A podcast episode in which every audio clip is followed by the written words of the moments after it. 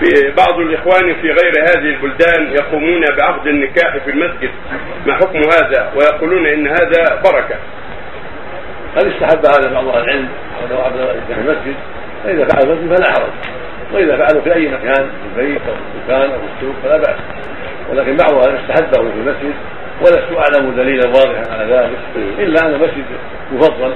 ولا أعلم ولا أذكر الآن شيئا يدل على شرعيه ذلك إلا أنه من كلام بعض أهل العلم وإذا عقد في غير المسجد في بيت الزوج أو بيت الزوجة أو في بيت احد الجيران أو الأقارب فكل هذا لا بأس به والحمد لله الامر واسع. يا شيخ طيب بالنسبة لاهل مكة يعقدون خاصة المنطقة الغربية أغلبية ما يعقدون في الحرمين.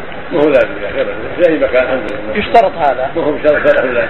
بعض الناس بحديث أعلن هذا النكاح يضرب عليهم بالسلوك فجعلوه في المسجد. بس إن صح ما في بأس إن صح وجعله في المساجد هذا ان صح